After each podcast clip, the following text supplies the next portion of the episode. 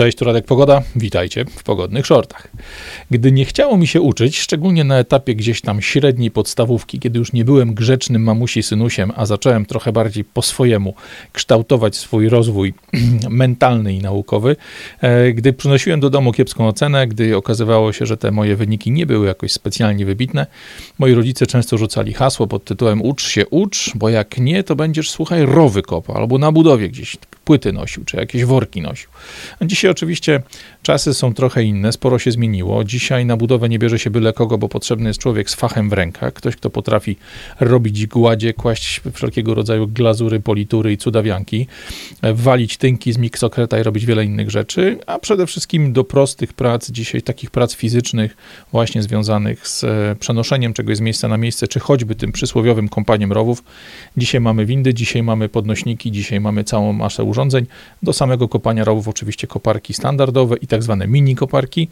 I nie czarujmy się, jeśli ktoś z Was widział, jaką wprawą, jaką skutecznością musi się charakteryzować, musi się um, legitymować, nazwijmy to, operator takiej maszyny, no to zdajecie sobie sprawę, że na pewno nie jest. Kabina takiej koparki czy mini koparki nie jest miejscem, do którego można hop z ulicy, z łapanki wrzucić jakiegoś leszcza, który wyleciał na końcu podstawówki, bo jest za słaby, za tępy, żeby się dalej uczyć, albo kogoś, kto nie ukończył liceum i próbuje sobie dorobić do jakiejś tam swojej podstawowych potrzeb. Do usługi takiej zabawki trzeba sporo wyobraźni, przede wszystkim wyobraźni przestrzennej, żeby zrozumieć, co po naciśnięciu czy pociągnięciu jakiejś wajchy zrobi, czy łyżka, czy lemierz, czy różnego rodzaju narzędzia, które przymocowywane są do takich urządzeń. E, trzeba wiedzieć, e, co z nim się dzieje, trzeba rozumieć zasady mechaniczne, trzeba rozumieć podstawy przynajmniej hydrauliki, tego, co dzieje się z samą maszyną, no bo praca na koparce to nie tylko wykopywanie do, dołów, ale to również pakowanie tej maszyny na różnego rodzaju mm, przyczepy, to również jej obsługa codzienna i tak dalej. Byle kto takiej maszyny do rąk nie dostanie, bo raz, że kosztują ona setki tysięcy złotych albo nawet miliony, a dwa, że można tym zrobić naprawdę dużo, dużo strat. Jaki jest tego efekt? No, pewnie taki, że dziś, kiedy chcemy pogrozić palcem naszym własnym dzieciom, no moje już są tak duże, żebym się chyba nie odważył, bo to ich życie. E, dziś najczęściej w takich sytuacjach straszymy, ucz się, ucz, bo będziesz w maku kotlety odwracał, tak? Będziesz kotlety smażył, albo będziesz gdzieś tam na autostradzie, na stacji benzynowej fajki ludziom wydawał, albo odblokowywał kurek z gazem. Bardzo często odnosimy się właśnie do takich podstawowych, prostych prac, które można robić, nazwijmy to nawet bez szkoły, czy po jakimś zupełnie podstawowym wykształceniu. Traktujemy to jako sposób na to właśnie, aby osoby najmniej ogarnięte życiowo, aby osoby o najmniejszym poziomie umiejętności, doświadczenia, czy na przykład języka w kraju, w którym lądujemy, mogły takie roboty wykonywać. Tyle tylko, że to się powoli zmienia. I nie mówię tutaj o planach naszych ulubionych globalistów, e, którzy siedzą sobie w gangu w Davos i planują, że tam 60, 70 czy 80% dzisiejszych pracowników nie będzie nam niezbędnych. Mówię tutaj o decyzjach konkretnych osób, o decyzjach konkretnych polityków, którzy sprawiają, że te czarne scenariusze pisane nam przez Harariego, pisane nam przez właśnie ludzi gangu z Davos, coraz szybciej wchodzą w życie, coraz szybciej stają się realiami. Tu Gavin Newsom, gubernator Kalifornii, człowiek, o którego wyczynach możecie sobie zobaczyć w filmie California Dreaming, który nagraliśmy niedawno temu i był bardzo przez was lubiany, bardzo wielu osobom się spodobał. E, ten człowiek zniszczył Kalifornię tak jak nikt przed nim. E, za jego czasów, za czasów jego właśnie rządów, jego e, bycia gubernatorem, E, Kalifornia najmocniej obsunęła się, jeśli chodzi o standard życia, jeśli chodzi o koszty życia, wszelkiego rodzaju szalone, zielone, elementy zielonej polityki, e, szalone koszty związane z tym, aby biznes prowadzony na terenie Kalifornii był coraz bardziej zielony, coraz bardziej ekologiczny, oczywiście w cudzysłowie. E, to są rzeczy, które sprawiły, że ten stan dzisiaj przypomina bardziej strefę wojny niż kiedyś najpiękniejsze miejsce na Ziemi. Gavin Newsom, gubernator Kalifornii, podpisał dosłownie 3 czy 4 dni temu nowy przepis, który zakłada, że od 1 stycznia rośnie w Kalifornii stawka płacy minimalnej. Do tej pory ta stawka płacy minimalnej tak była niezła, bo wynosiła 15 dolarów 50 centów na godzinę. Wiem, wiem, jakbyśmy my taką stawkę w Polsce zarabiali, wszyscy żylibyśmy jak krezusi. Natomiast ta stawka, e, mimo swojej wysokości, i tak nie była najwyższą w ogóle, no bo mimo tego, że stanowa na poziomie właśnie gubernatora, na poziomie decyzji pokrywającej cały stan Kalifornia, e, ta stawka wynosiła 15,50, to było kilka miast, które tą stawkę trzymały jeszcze wyżej, tak aby się swoim wyborcom przypodobać, bo nie zapominajmy, że w Stanach to na poziomie właśnie samorządów lokalnych podejmowane jest bardzo wiele rzeczy. Samorządów lokalnych w tym znaczeniu właśnie samorządów stanowych, a nie całego amerykańskiego państwa. Co się stanie od 1 stycznia? Od 1 stycznia ta stawka z 15,50 podskoczy na 20 dolarów za godzinę.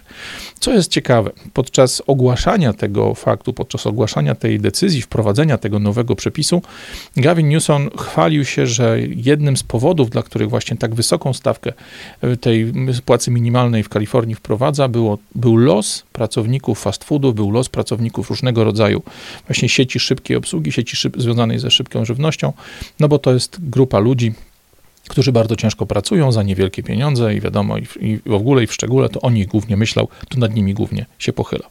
Ogłaszając swoją decyzję, ogłaszając ten nowy przepis, Gavin Newsom e, wypowiedział bardzo wiele słów, tak, okrągłych, klasycznych, politycznych słów, które zwykle politycy rzucają w takich okazjach, e, czy przy takich okazjach, natomiast na dwa fakty zwrócił szczególnie uwagę. Obydwa te fakty są specyficzne, no bo odnoszą się do grup potencjalnych wyborców, którzy w najbliższych wyborach powinni dać mu to, czego chce, czyli znowu mianowanie na kolejne rewelacyjne stanowiska, czy na poziomie Stanów, czy dalej w wyścigu ewentualnie o fotel prezydencki, bo będzie on prawdopodobnie kandydatem demokratów na prezydenta Stanów Zjednoczonych.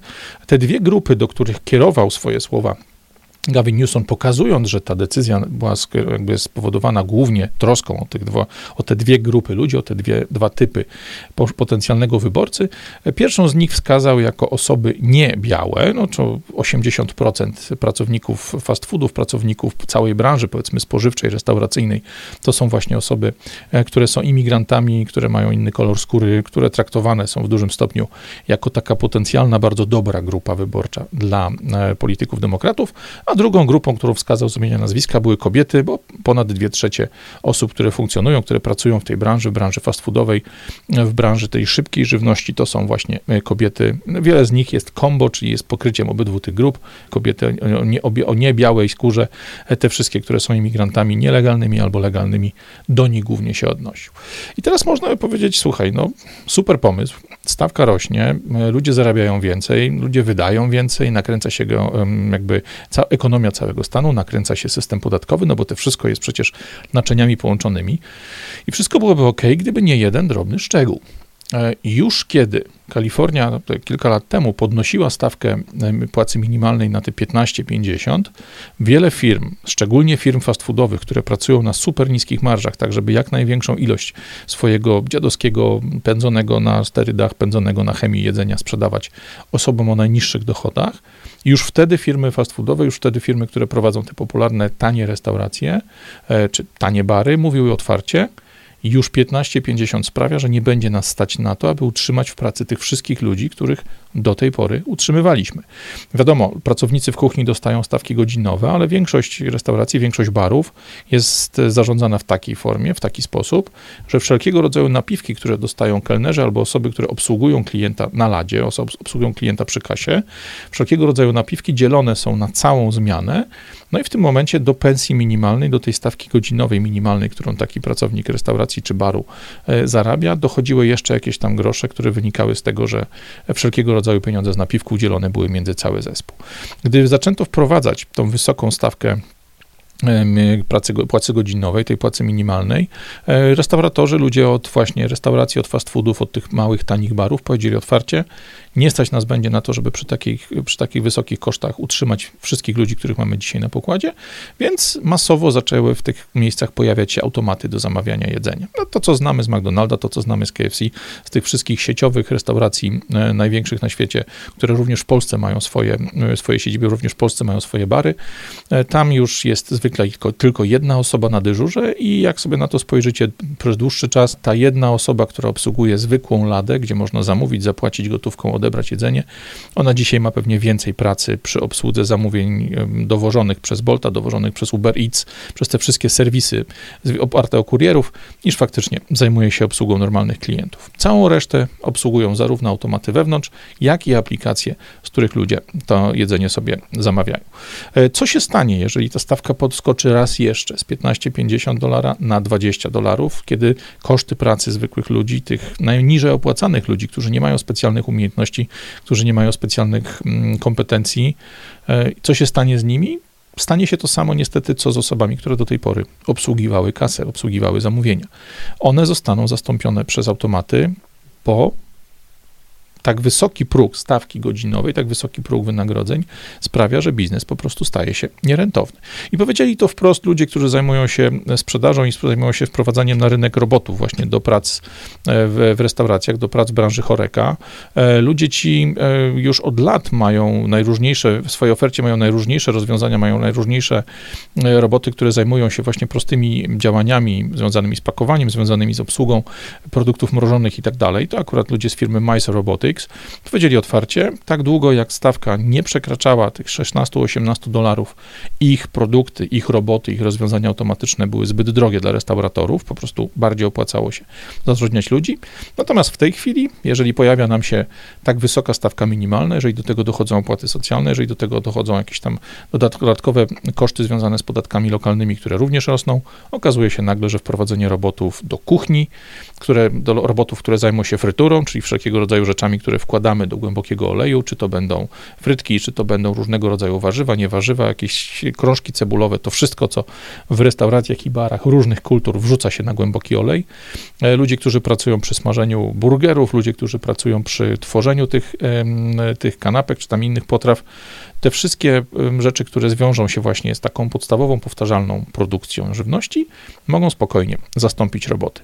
E, jak się to przekłada na pieniądze? Taki robot kosztuje miesięcznie około 3000 dolarów. E, wydaje się, że to kwota spora, no bo patrząc na stawki pracowników, ludzi pracowników, e, to mało kto z nich zarabiał te 3000 dolarów miesięcznie. Natomiast jeśli popatrzymy sobie na koszt takiego robota, to widać nagle, że on potrafi mieć znacznie więcej plusów dla restauratora niż e, zwykli ludzie, bo taki robot może pracować bez ograniczeń, czyli możemy sobie wyobrazić 24-godzinny bar, 24-godzinną knajpkę, w której w kuchni pracuje 6 czy 7 robotów, czy jakaś tam inna ilość, która zastępuje odpowiednio większą ilość ludzi, ale pracuje 24 na dobę, a nie trzy zespoły na trzech zmianach. Tak? E, efekt może być więc taki, że przez te podnoszenie kosztów pracy, przez podnoszenie kosztów e, funkcjonowania restauracji, funkcjonowania tych, tych szczególnie małych i średnich rodzinnych biznesów, nagle okaże się, że nawet oni sięgną po automaty, sięgną po roboty, no bo taki robot nie strajkuje, nie spóźnia się, nie ma kaca, nie bierze wolnego na żądanie, nie ma chorego dziecka, nie musi wyrwać zęba, nie musi załatwić uszkodzonego samochodu czy czegokolwiek innego. Robot jest po prostu urządzeniem, które włączone pracuje i jedzie z koksem.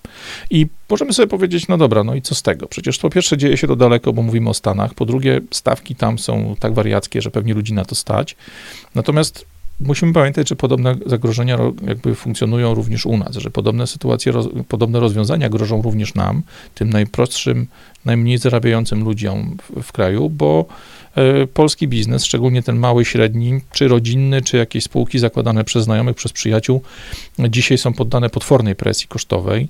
E, mamy za sobą Polski Ład, zaraz po nim nowy Polski Ład, no bo ten pierwszy nie był zbyt mocno przemyślany i nawet e, Kancelaria Sejmu nie wiedziała, jak wypłacać posłom pieniądze.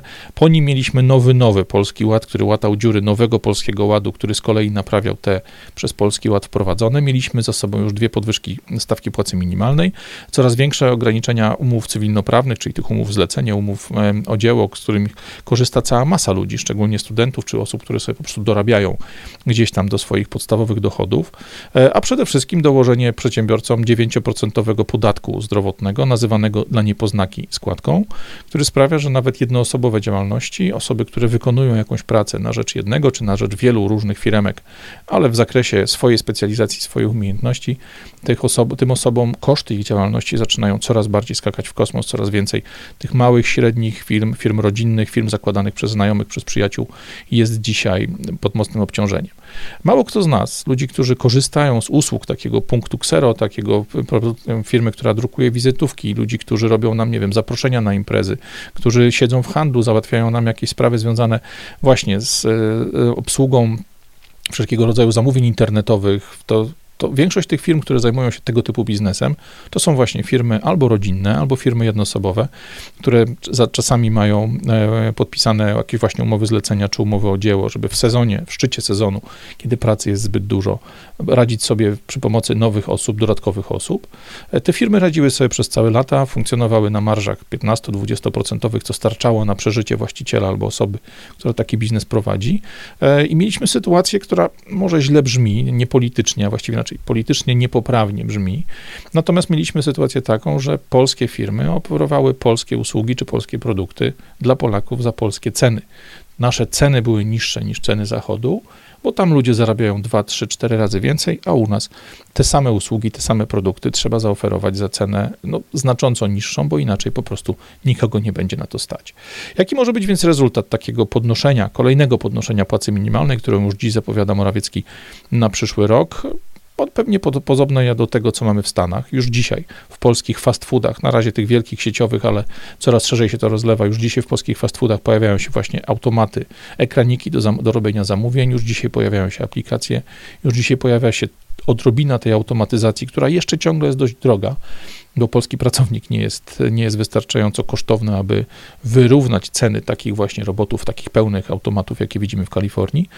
Ale polskie firmy dziś stają czasami w sytuacji, że nie mają wyjścia i zamiast obsługiwać nas, ludzi, którzy w Polsce mieszkają, którzy w Polsce zarabiają, których stać na zapłacenie polskich cen za taki produkt czy usługę, te firmy będą musiały się odwracać i zaczynać skupiać się głównie na rynkach eksportowych. Ja dzisiaj bardzo dużo takich usług świadczę firmom, które nigdy nie handlowały za granicą. Dzisiaj ci ludzie przychodzą do mnie, żebym stworzył im zespół właśnie do sprzedaży eksportowej, żebym poukładał im procedury, zrobił oferty i inne rzeczy. Ja sam zresztą to widzę po sobie też od czterech lat, e, prawie pięciu lat. Większość moich klientów to klienci z zagranicy, zwykle tylko jedną lub dwie firmy w kwartale nowe polskie mogę przyjąć do swoich usług, bo mi się również ze względu na koszty działania bardziej opłaca sprzedawać za granicę, tam gdzie jeszcze stać ludzi na to, żeby zapłacić trochę wyższą stawkę, trochę lepsze pieniądze za mój czas, za czas moich klientów, za produkty moich klientów. Część widzów po tym materiale powie pewnie, że tak, po pierwsze, co mnie to, to jest daleko w Kalifornii, to oni będą te 20 dolarów na godzinę zarabiać. E, część ludzi powie, co to, co to dla mnie, może nawet sam skorzystam, bo również moja stawka minimalna podskoczy. Natomiast kłopot jest taki, e, przecież jeżeli wszystko drożeje i ludzie muszą zarabiać więcej, żeby móc więcej płacić, e, to podnoszenie stawki minimalnej za robotę osoby najmniej wykształconej, najmniej jakby wykwalifikowanej, osoby, która najmniej może zaoferować firmie, w której pracuje, mm, jakby najmniej przynosi do, do tego wspólnego stołu, przy którym siedzi właściciel, przy którym siedzi e, cała kadra zarządzająca danym przedsiębiorstwem i wszyscy pracownicy, którzy wykonują te proste robotnicze zajęcia. Jeżeli ci ludzie zarabiają coraz więcej, to jest ok, tyle tylko, że razem z wzrostem ich wynagrodzeń ogromnie rosną koszty ZUS-u, koszty podatków, koszty wszelkiego rodzaju opłat, które zabiera dla siebie bestia zwana państwem.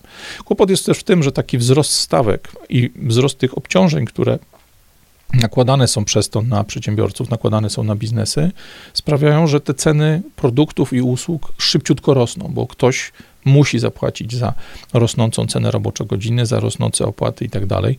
Tym kimś jest nie kto inny, tylko i wyłącznie klient, jest tylko i wyłącznie osoba, która takie usługi kupuje.